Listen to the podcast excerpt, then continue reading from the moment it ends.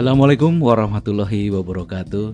Hai, apa kabar sahabat mahasiswa Teknik Industri Universitas Pasundan? Kita masuk lagi pada episode keempat. Episode keempat ini merupakan kelanjutan dari topik tugas akhir bagian pertama.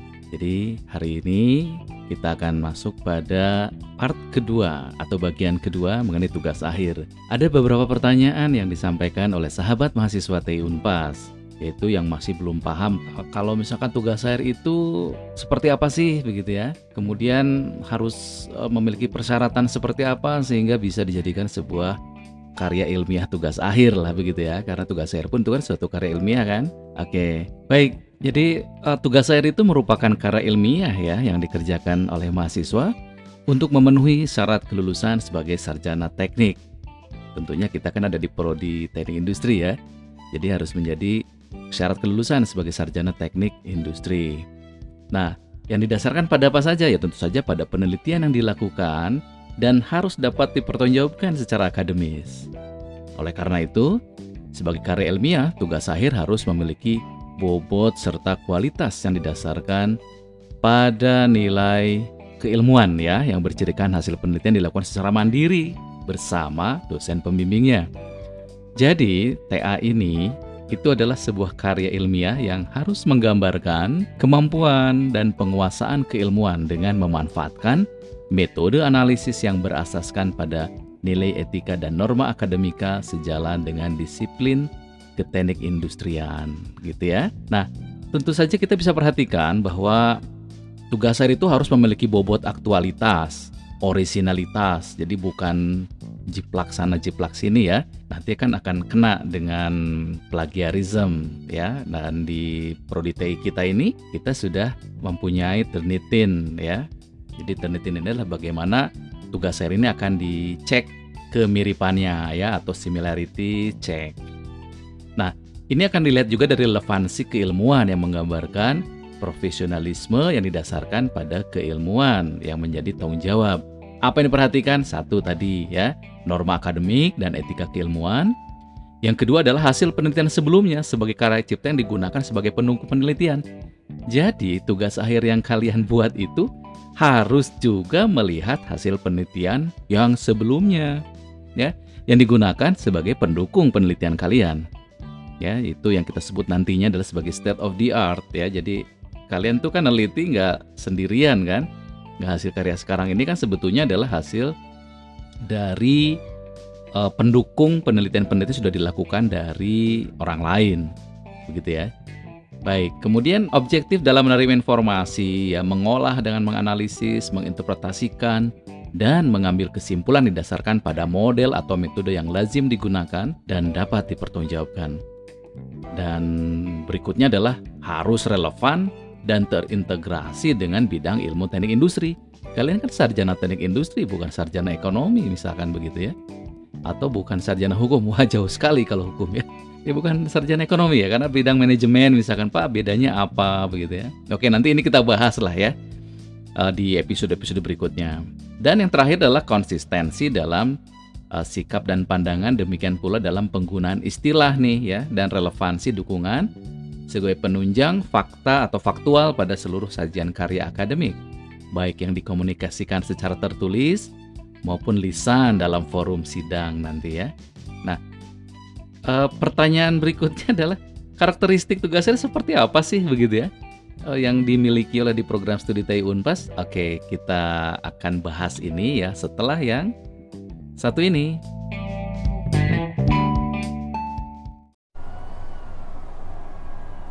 I'm sorry, but don't wanna talk. I need a moment before I go. It's nothing personal. I draw the blinds. They don't need to see me cry. Cause even if they understand, they don't understand. So then when I'm finished, I'm all about my business and ready to save the world. I'm taking my misery, making my bitch can be everyone's favorite girl. So take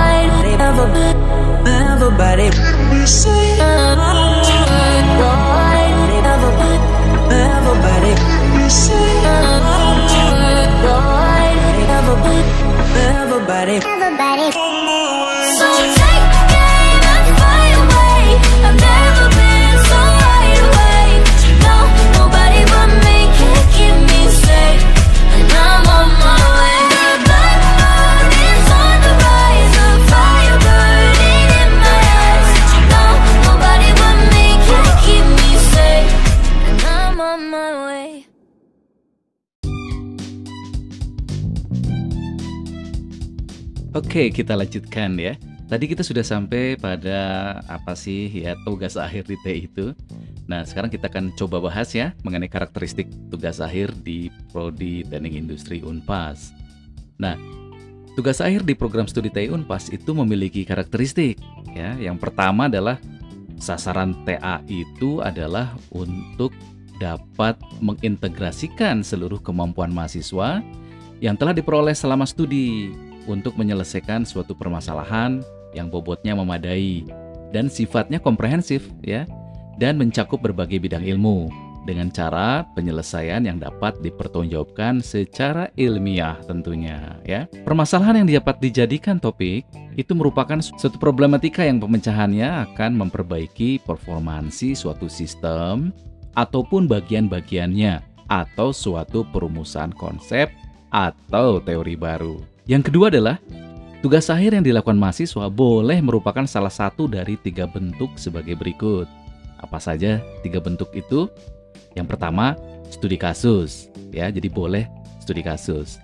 Nah, studi kasus ini dilakukan untuk mengaplikasikan teori atau pendekatan yang kalian gunakan ke dalam kasus yang nyata, ya, untuk memecahkan masalah yang ada tentunya di dalam sistem nyata tersebut. Nah, yang kedua itu adalah bentuk penelitian. Nah, bentuk penelitian ini dilakukan untuk menjelaskan hubungan kausal dan pengujian hipotesa, evaluasi, prediksi kejadian tertentu di masa yang akan datang. Jadi, penelitian dilakukan pada populasi besar maupun kecil dengan menggunakan data sensus atau sampel. Kalian masih ingat dengan statistika? Nah, statistika atau teori peluang ataupun teori-teori yang berkaitan dengan sampel ya, sampling itu Anda akan kalian akan pakai di sini ya. Jadi ya besar atau kecil, populasi besar maupun kecil dengan menggunakan data sensus atau sampel sehingga ditemukan kejadian-kejadian relatif, distribusi dan hubungan-hubungan antar variabel sosiologis maupun psikologis. Nah, itu silahkan kalau kalian mau ngambil bentuk yang kedua yaitu riset atau penelitian. Jadi ada populasi kalian ngambil sampelnya dari sana dan Anda teliti ya yang berkaitan dengan hubungan antar variabelnya ya diteliti ya. Baik yang sifatnya sosiologis kejadian relatif ya maupun secara psikologis. Boleh tuh ya di APK ergonomi tuh bisa misalkan apa sih yang faktor apa sih yang mempengaruhi ya terhadap misalkan beban mental seseorang gitu ya pada saat bekerja. Misalkan seperti itu Oke, bentuk ketiga apa? Bentuk ketiga itu adalah pemodelan. Ya, bentuk ketiga dari tugas akhir itu pemodelan, yaitu eh, pemodelan dilakukan untuk membahas suatu model atau algoritma. Kemudian kalian mengalu- melakukan pengujian performansi dari model atau atau algoritma tersebut ya yang dibahas melalui suatu penyelesaian dengan menggunakan sejumlah persoalan. Jadi pemodelan itu lebih banyak kepada bagaimana kalian membahas suatu model atau algoritma, kemudian menguji dengan berbagai data hipotetis ya atau data yang digunakan itu dari bisa saja dari predator orang lain atau kalian bisa generate. Itu bentuk yang terakhir ya, bentuk yang ketiga. Nah, selanjutnya apa? Selanjutnya kita lihat bahwa tugas akhir ini harus ditulis tentunya. Jadi penyusunan laporan tugas akhir harus ditulis dengan baik ya. Karena tugas akhir itu ditulis dalam bahasa Indonesia yang baik dan benar ya, itu salah satu ketentuannya. Nah, oleh karena itu di program studi TI ya kalau kurikulum 2014 itu kan kita masih ada TA1 ya yang SKS-nya 2 SKS. Nah, itu berisi bab 1, bab 2 dan bab 3 sehingga kalian pengujiannya adalah melalui seminar tugas akhir atau sering kali disebutkan juga sebagai seminar TA1. Ya, kita sih sebutnya seminar TA saja karena yang yang TA2-nya itu sidang ya. Tapi dalam mata kuliah namanya TA1 dan TA2. Nah, sementara untuk tugas akhir 2 itu bobotnya 4 SKS. Ya, itu berisi bab 1 sampai bab terakhir. Jadi kalau kalian menggunakan babnya sampai 6 bab, ya, bab 1, 2, 3, 4 dan 5 dan 6, maka itu adalah TA2 diakhiri dengan sidang pengujiannya. Nah, tentu saja banyak ya hal-hal yang harus diperhatikan di dalam penyusunan tugas akhir. Jadi sebetulnya ada yang bertanya begitu ya, boleh nggak saya merubah pembimbing gitu ya dan penelaah? Jadi sebenarnya pada hakikatnya lah begitu, pada prinsipnya begitu ya. Dosen pembimbing dan dosen penelaah itu tidak dapat diganti ya, tapi tentu saja ada kebijakan yang mengatur itu. Misalkan suatu hal dosen pembimbing atau dosen penelaah tidak dapat menjalankan fungsinya sebagai dosen pembimbing ya. Oke, yang poin terakhir sebetulnya adalah bahwa penjiplakan tugas akhir itu tidak diperbolehkan nih. Ya, itu tadi makanya ada similarity check menggunakan Turnitin ya. Nah, biasanya Pak Jajang nih yang yang menerima dan melakukan pengujian atau pengecekan similarity checknya. Jadi cukup cover, abstrak, ya, kemudian daftar isi, daftar tabel itu semua ya, sampai dengan bab satu saja. Nggak usah semuanya ya. Jadi dari mulai cover, abstrak dalam bahasa Indonesia, abstrak dalam bahasa Inggris, daftar isi, daftar tabel, daftar gambar, daftar lampiran begitu ya. Kemudian bab 1. Itu dalam bentuk PDF ya, kemudian dikirimkan ke emailnya Pak Jajang sebagai syarat sidang nanti ya. Oke, nah ada pertanyaan nih ya. Misalkan apakah prosedur tugas akhir ini seperti apa sih begitu ya? Jadi memang mata kuliah TA1 ini independen terhadap mata kuliah TA2 ya. Tapi nanti pada kurikulum 2020 ya, kita akan menggunakan kurikulum baru. Jadi TA-nya itu sudah langsung satu saja. Kalau ini kan TA1 dan TA2, nanti hanya tugas akhir saja begitu ya. Jumlah SKS-nya sementara waktu itu diputuskan 5 SKS ya. Jadi satu satu mata kuliah tugas akhir itu 5 SKS. Nah, berapa persyaratan minimal sudah lulus mata kuliah? Persyaratan telah lulus itu minimal 111 SKS. Ya, dan telah menyelesaikan semua praktikum kecuali pada kurikulum 2014 itu ada berada pada praktikum perancangan sistem industri 2 atau PSI 2. Jadi boleh kecuali praktikum PSI 2 belum lulus karena sedang ngambil ya itu boleh silakan digunakan. Jadi telah lulus minimal 111 dan lulus seluruh praktikum kecuali praktikum PSI 2 ya karena sedang ngambil ya di semester genap. Oke, IPK minimalnya adalah 2,75 ya. Jadi 2,75 lah kalau IPK minimal 2 itu kan rasanya zaman dulu banget ya. Oke, nah Kemudian apalagi ya sudah atau sedang mengambil minimum dua mata kuliah pilihan yang tentunya namanya mata kuliah pilihan ya sedapat mungkin berkaitan dengan materi tugas akhir yang diambil. Nah kemudian ada juga misalkan e, namanya adalah mata kuliah keahlian ya. Kalau di sini kan mata kuliah inti ya itu tidak boleh bernilai D. Dan banyaknya mata kuliah yang bernilai D tidak boleh melebihi 12 SKS. Ini adalah aturan kurikulum 2014 ya. Mungkin nanti akan ada perubahan ya. Kalau ada perubahan tentu saja nanti akan disampaikan diinfokan lah begitu ya melalui TI podcast kita ini. Apalagi yang dilakukan tentu saja tadi disampaikan episode ketiga kalian melakukan pendaftaran ya nanti akan dialokasikan dan melakukan proses bimbingan ya dan seterusnya. Sebetulnya kalian bisa membaca ya di website TI Unpas ECID ya. Jadi kalian bisa bisa lihat juga keterangan mengenai apa sih TA itu dan seterusnya. Itu di website ya ti.unpas.ac.id garis miring tugas strip akhir ya. Tugas strip atau apa ya ya dash mungkin ya. Bukan underscore ya, bukan ya. Jadi tugas strip akhir. Jadi ti.unpas.ac.id garis miring tugas strip akhir.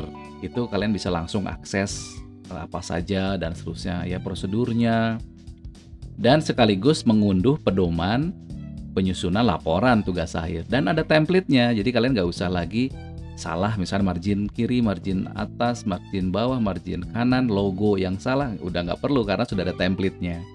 Oke kita lanjutkan ya. Uh, ada beberapa hal yang kita bisa bahas ya ya berkaitan dengan TA ini. Dan tentu saja di semester ganjil yang perta yang yang tahun 2020 2021 ini Fakultas Teknik sudah uh, memberikan satu aplikasi yang namanya Sikapeta ya. Ya ada ribet namanya ya. Sikapeta gitu atau Sikap PTA gitu. Jadi informasi kerja praktek dan tugas akhir lah gitu ya. Dan ini bisa diakses aplikasinya itu di kpta.teknik.unpas.ac.id ya. Jadi aplikasi KPTA ini itu silahkan kalian akses di kpta.teknik.unpas.ac.id. Nah, nanti akan masuk ke si KPTA Fakultas Teknik. Nah, pastikan kalian login dan password. Login dan passwordnya sama ya dengan kalian login ke situ. Ya, ke aplikasi situ. Jadi login ke si KPTA itu sama dengan kalian login ke aplikasi situ. Oke ya, pastikan nama kalian ada di sana, kemudian kalian lakukan pendaftaran ya. Kemudian kalian isi profil kalian. Jangan lupa ya, kalian isi profilnya lengkap. Karena ini akan memudahkan prodi dan juga memudahkan kalian tentunya pada proses selanjutnya. Oke, kita jeda dulu ya kita jeda dulu dan kita lanjutkan ke segmen ketiga untuk membahas seperti apa sih sikap peta ya, sistem kerja praktek dan tugas akhir yang dikelola oleh Fakultas Teknik Universitas Pasundan dan kalian harus gunakan aplikasi ini di semester ganjil 2020-2021. Oke, nanti kita bahas ya, kita kepoin gimana sih cara menggunakannya, cara aksesnya, cara mengisi dan yang lain ya. Oke, kita simak dulu yang satu ini ya.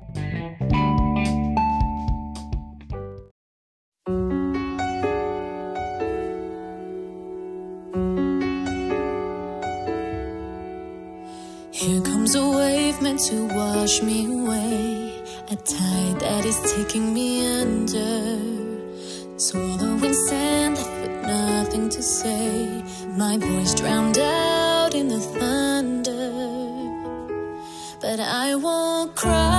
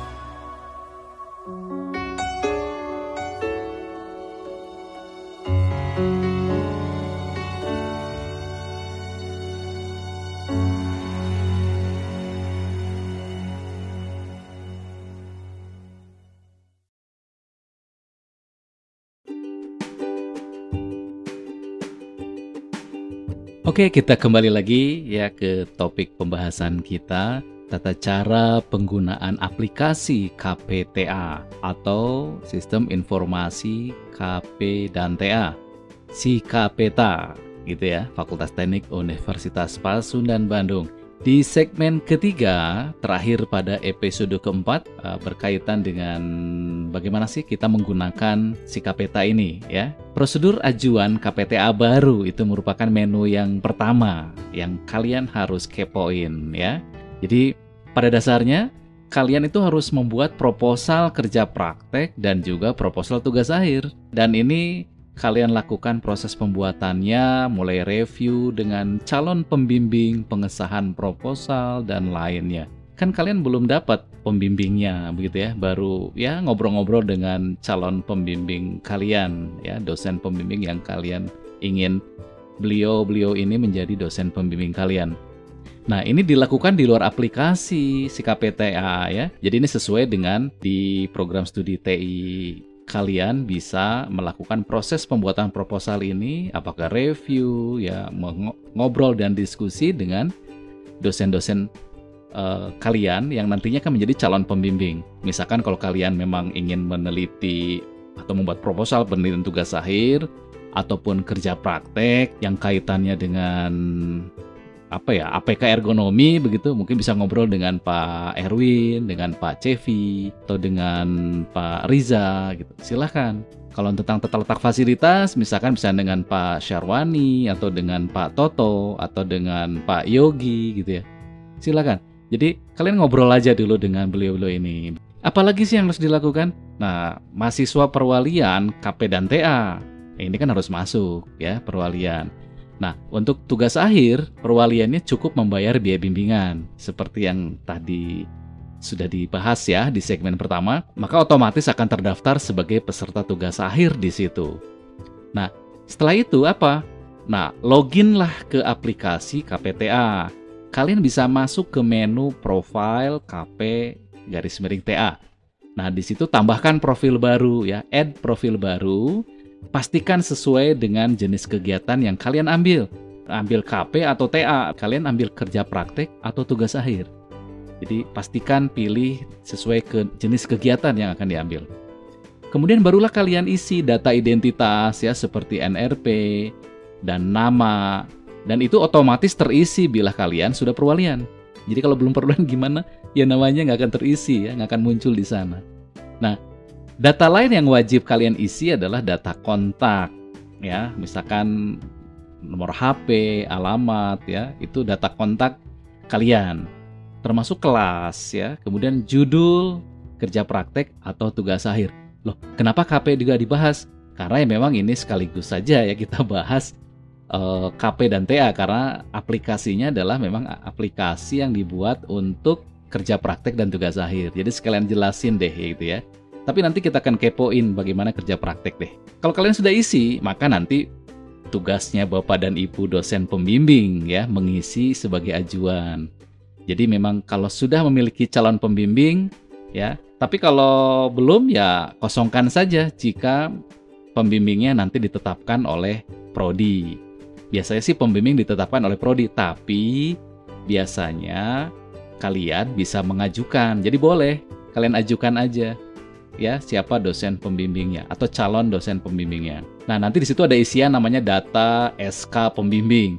Atau SK pembimbing ini kosongkan aja karena nanti akan diisi oleh staf TU ya baik KP maupun TA yaitu Bu Susi untuk kerja praktek dan Pak Mukali untuk tugas akhir. Nah, data lain bisa dilengkapi nanti lah ya.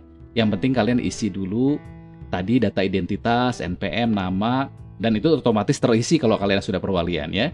Dan data lain yang wajib diisi adalah data kontak kalian, kelas, judul KP atau TA. Ya, jadi harus masuk tuh data itu. Kalau sudah dilengkapi, ya tinggal klik tombol Add ya agar profil kalian tersimpan dalam sistem. Apakah wajib nggak mengunggah fisik proposal KP maupun TA? Nah, di situ ada pilihan. Kalian harus mengunggah proposal. Ini pun juga disyaratkan oleh prodi. Namun uh, prodi TI itu akan mensyaratkan loh ya. Jadi kalian siap-siap saja buat dulu proposal agar jelas apa yang akan kalian kerjakan di kerja praktek atau di tugas akhir nanti. Jadi proposalnya harus kalian buat dulu begitu ya, baru nanti diunggah.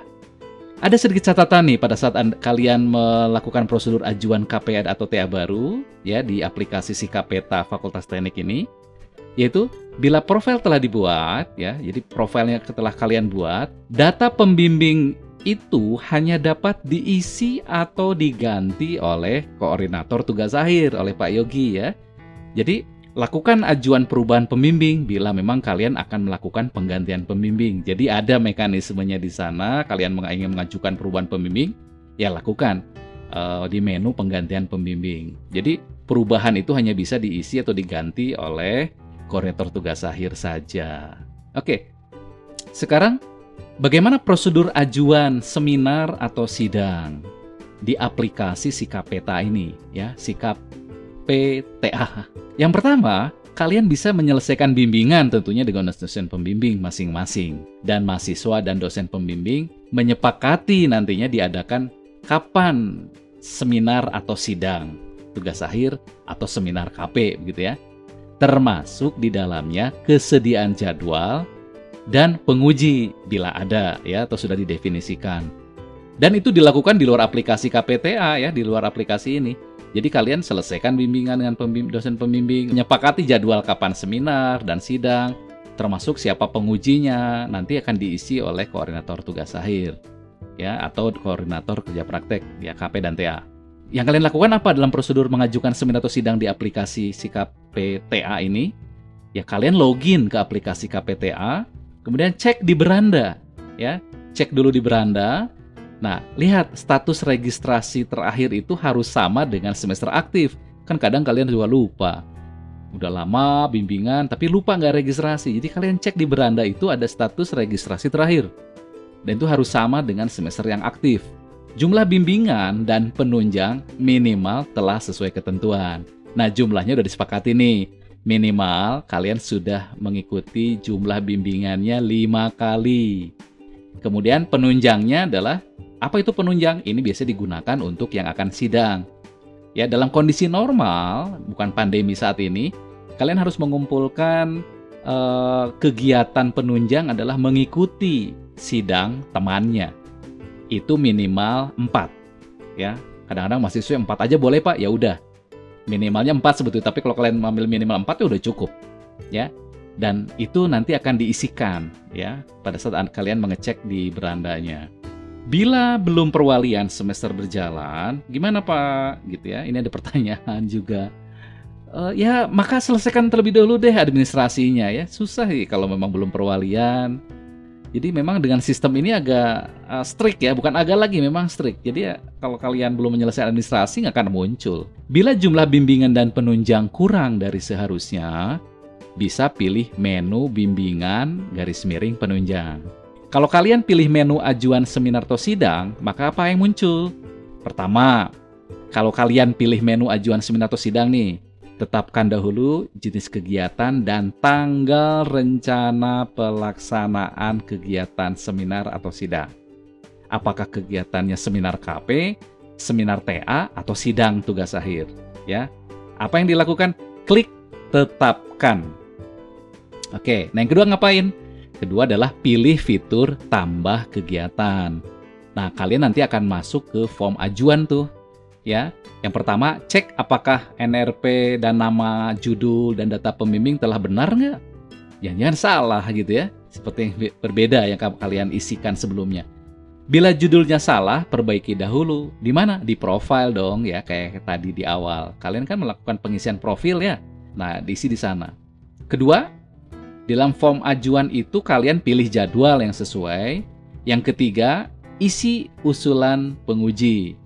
Nah, ini kan di Prodi TI tidak ditetapkan oleh kalian ya. Jadi kosongkan saja karena ditetapkan oleh prodi siapa pengujinya. Mungkin di di prodi lain sih ditetap apa diminta oleh uh, mahasiswa ya. Tapi usulan penguji itu di prodi TI diisi oleh uh, prodi ya oleh sistem. Setelah itu ngapain? Kliklah submit supaya data kalian tersimpan. Nah, berikutnya apaan? Ya, ya pilih unggah syarat fisik bila diharuskan oleh prodi. Misalkan persyaratannya unggah uh, transkrip, nilai kalau mau sidang ya. Ya itulah, kalian bisa lihat nanti unggah pengunggahan persyaratan apa yang di, diminta ya, ada di dalamnya. Oke. Nah, khusus untuk situasi normal, situasi normal itu artinya bukan saat pandemi COVID-19 ya. Jadi yang tidak perlu penanganan khusus seperti saat pandemi COVID-19. Jadi kalian bisa kembali ke menu ajuan seminar atau sidang, lihat pada tabel daftar kegiatan KPTA di kolom cetak. Ini kondisi situasi normal ya, bukan pandemik. Jadi Anda cetak. Nah, maka cetaklah form ajuan kegiatan seminar atau sidang. Kemudian cetak juga form persyaratan seminar atau persyaratan sidang sesuai kebutuhan kalian ya. Kemudian setelah form dicetak ngapain? Ya, form ajuan ditandatangani oleh pembimbing dan calon penguji. Ya, itu ada di tata usaha nanti diberikan saja. Ya, atau kalau ingin cepat ya kalian bisa menghubungi dosen pembimbingnya dan calon penguji yang sudah ditetapkan oleh uh, prodi. Kemudian form persyaratan lainnya ditandatangani oleh pihak-pihak berkepentingan, ya, oleh dosen, oleh penguji, misalnya dan yang lain. Kemudian apa lagi? Yang ketiga setelah form dicetak adalah setelah form persyaratannya lengkap, maka kalian serahkan ke tata usaha ya ke Mupamukali kalau tugas akhir, kalau kerja praktek ke Bu Susi.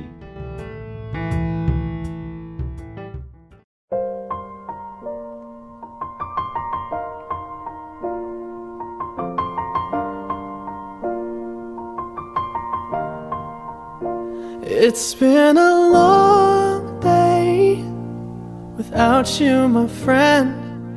And I'll tell you all about it when I see you again. We've come a long way from where we began. Oh, I'll tell you all about it when I see you again. When I see you again. Damn, knew? All the planes we flew, good things we've been through. That I'll be standing right here talking to you about another path. I know we love to hit the road and laugh, but something told me that it wouldn't last. Had to switch up, look at things different, see the bigger picture. Those were the days, hard work forever pays. Now I see you in a better place. See you in a better place. Can we not talk about family when family's all that we got? Everything I went through, you were standing there by my side. And now you gon' be with me for the last ride. It's been a long day without you, my friend.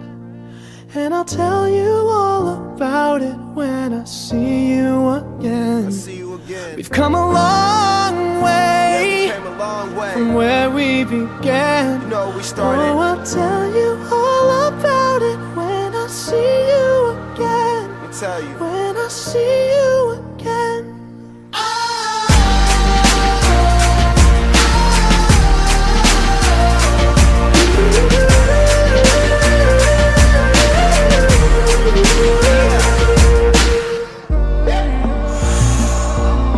Both go out your way and the vibe is feeling strong and what's small turn to a friendship, a friendship turn to a bond and that bond will never be broken, the love will never get lost. And when brotherhood come first, then the line will never be crossed. Established it on our own when that line had to be drawn, and that line is what we reach. So remember me when I'm gone. How can we not talk about family when family's all that we got? Everything I went through, you were standing there by my side. And now you gon' be with me for the last ride. Let the light guide your way. Yeah. Hold every memory as you go. And every road you take will always lead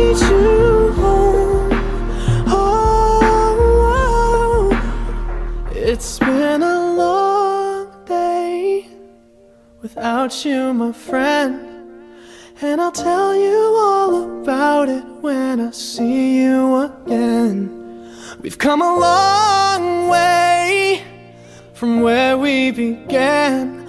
Oh, I'll tell you all about it when I see you again. When I see you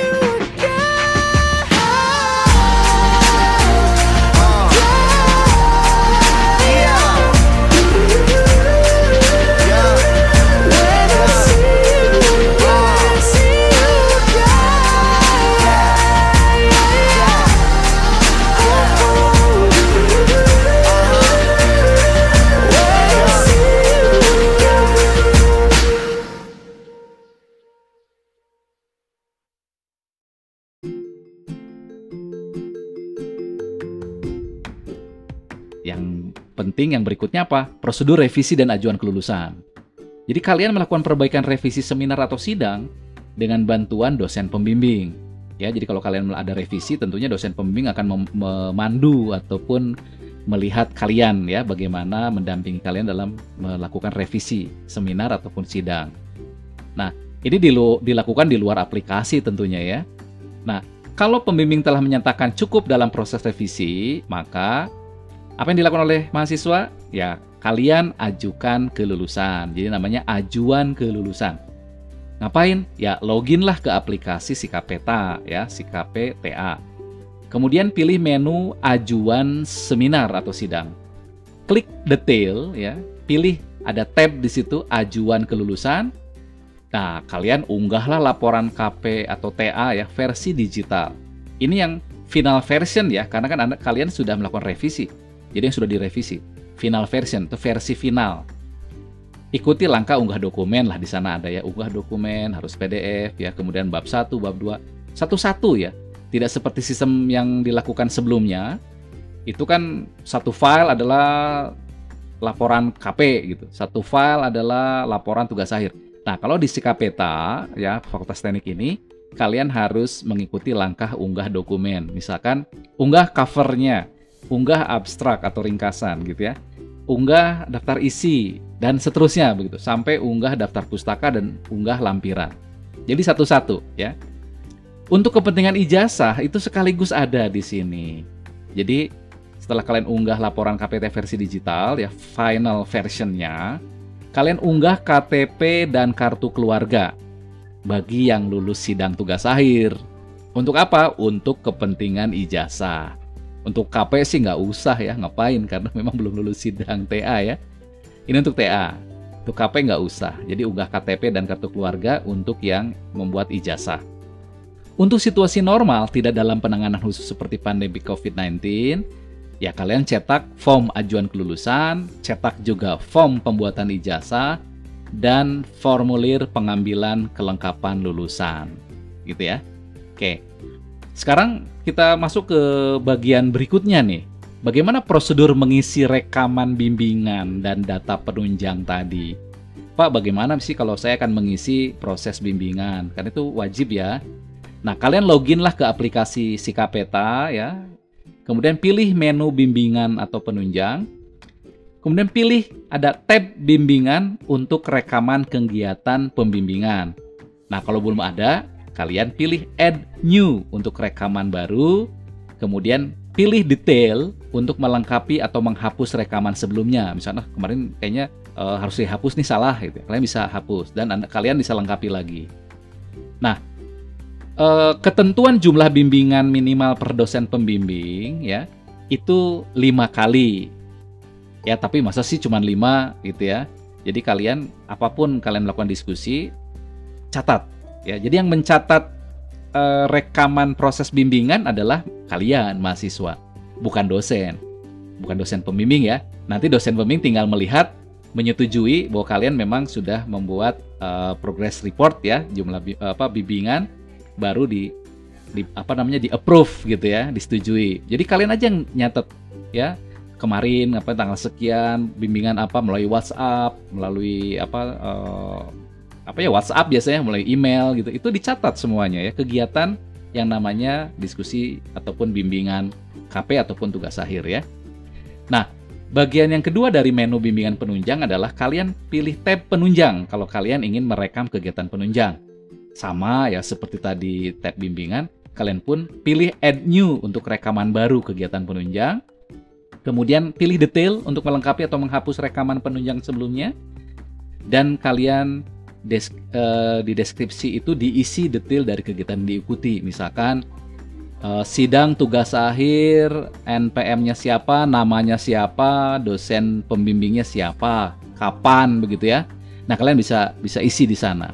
Kemudian bila mengikuti seminar KP atau TA dari teman-teman kalian, maka masukkan NPM teman kalian tadi ya pada baris atas nama mahasiswa yang bersangkutan. Jadi ada nanti di menunya itu masukkan NPM teman kalian pada baris atas nama mahasiswa yang bersangkutan. Itu siapa? Nah, itu diisi NPM teman kalian.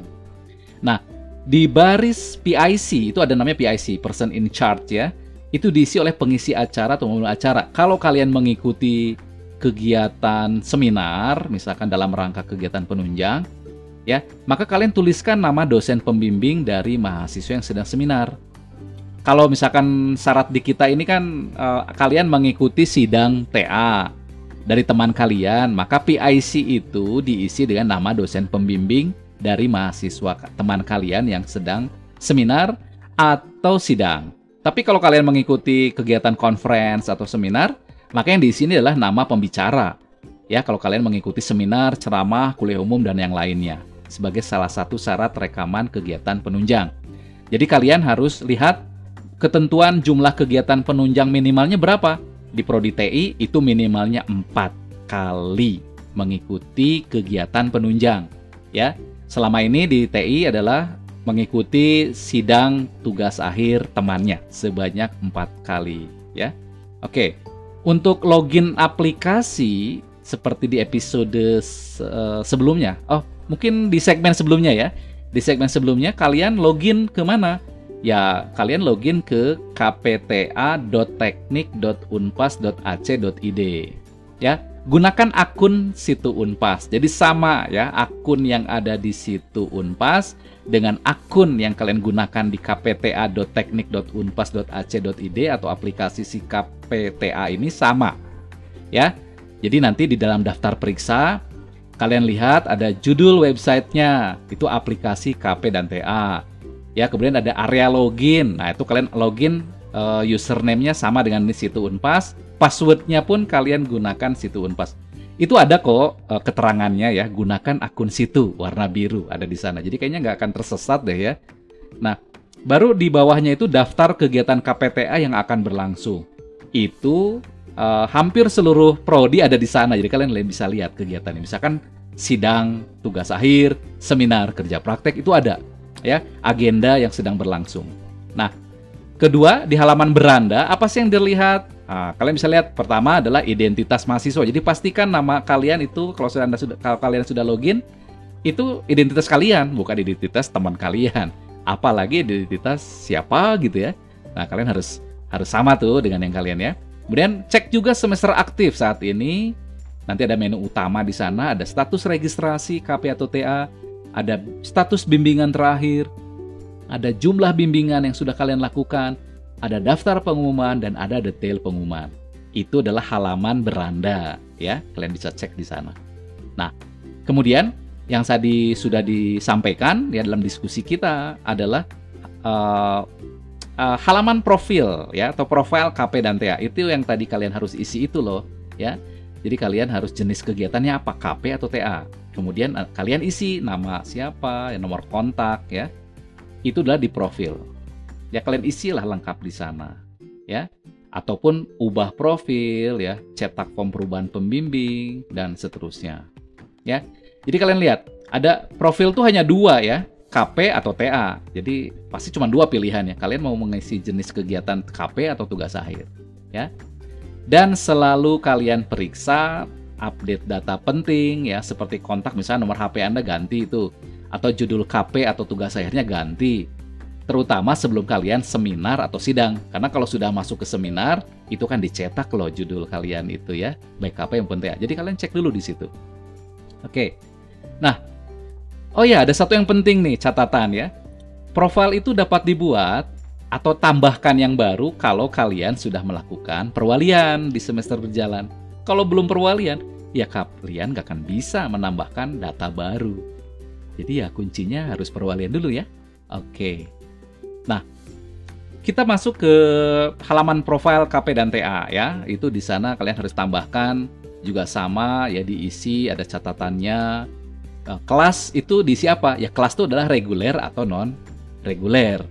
Pak, kalau ker itu apa? Ker itu yang kerjasama. Mungkin ya ada kelas kerjasama di prodi lain. Kalau di prodi TI kan cuma dua, uh, reguler dan non reguler atau kelas karyawan ya. Kalian bisa isi. Oke, kayaknya ini jelas lah ya halaman profil itu apa saja. Ya termasuk bagaimana kalian merubah dan yang lainnya. Ajuan seminar tadi juga sudah kita bahas ya. Dan apalagi yang belum ya? Um, ajuan kelulusan tadi juga sudah kita bahas.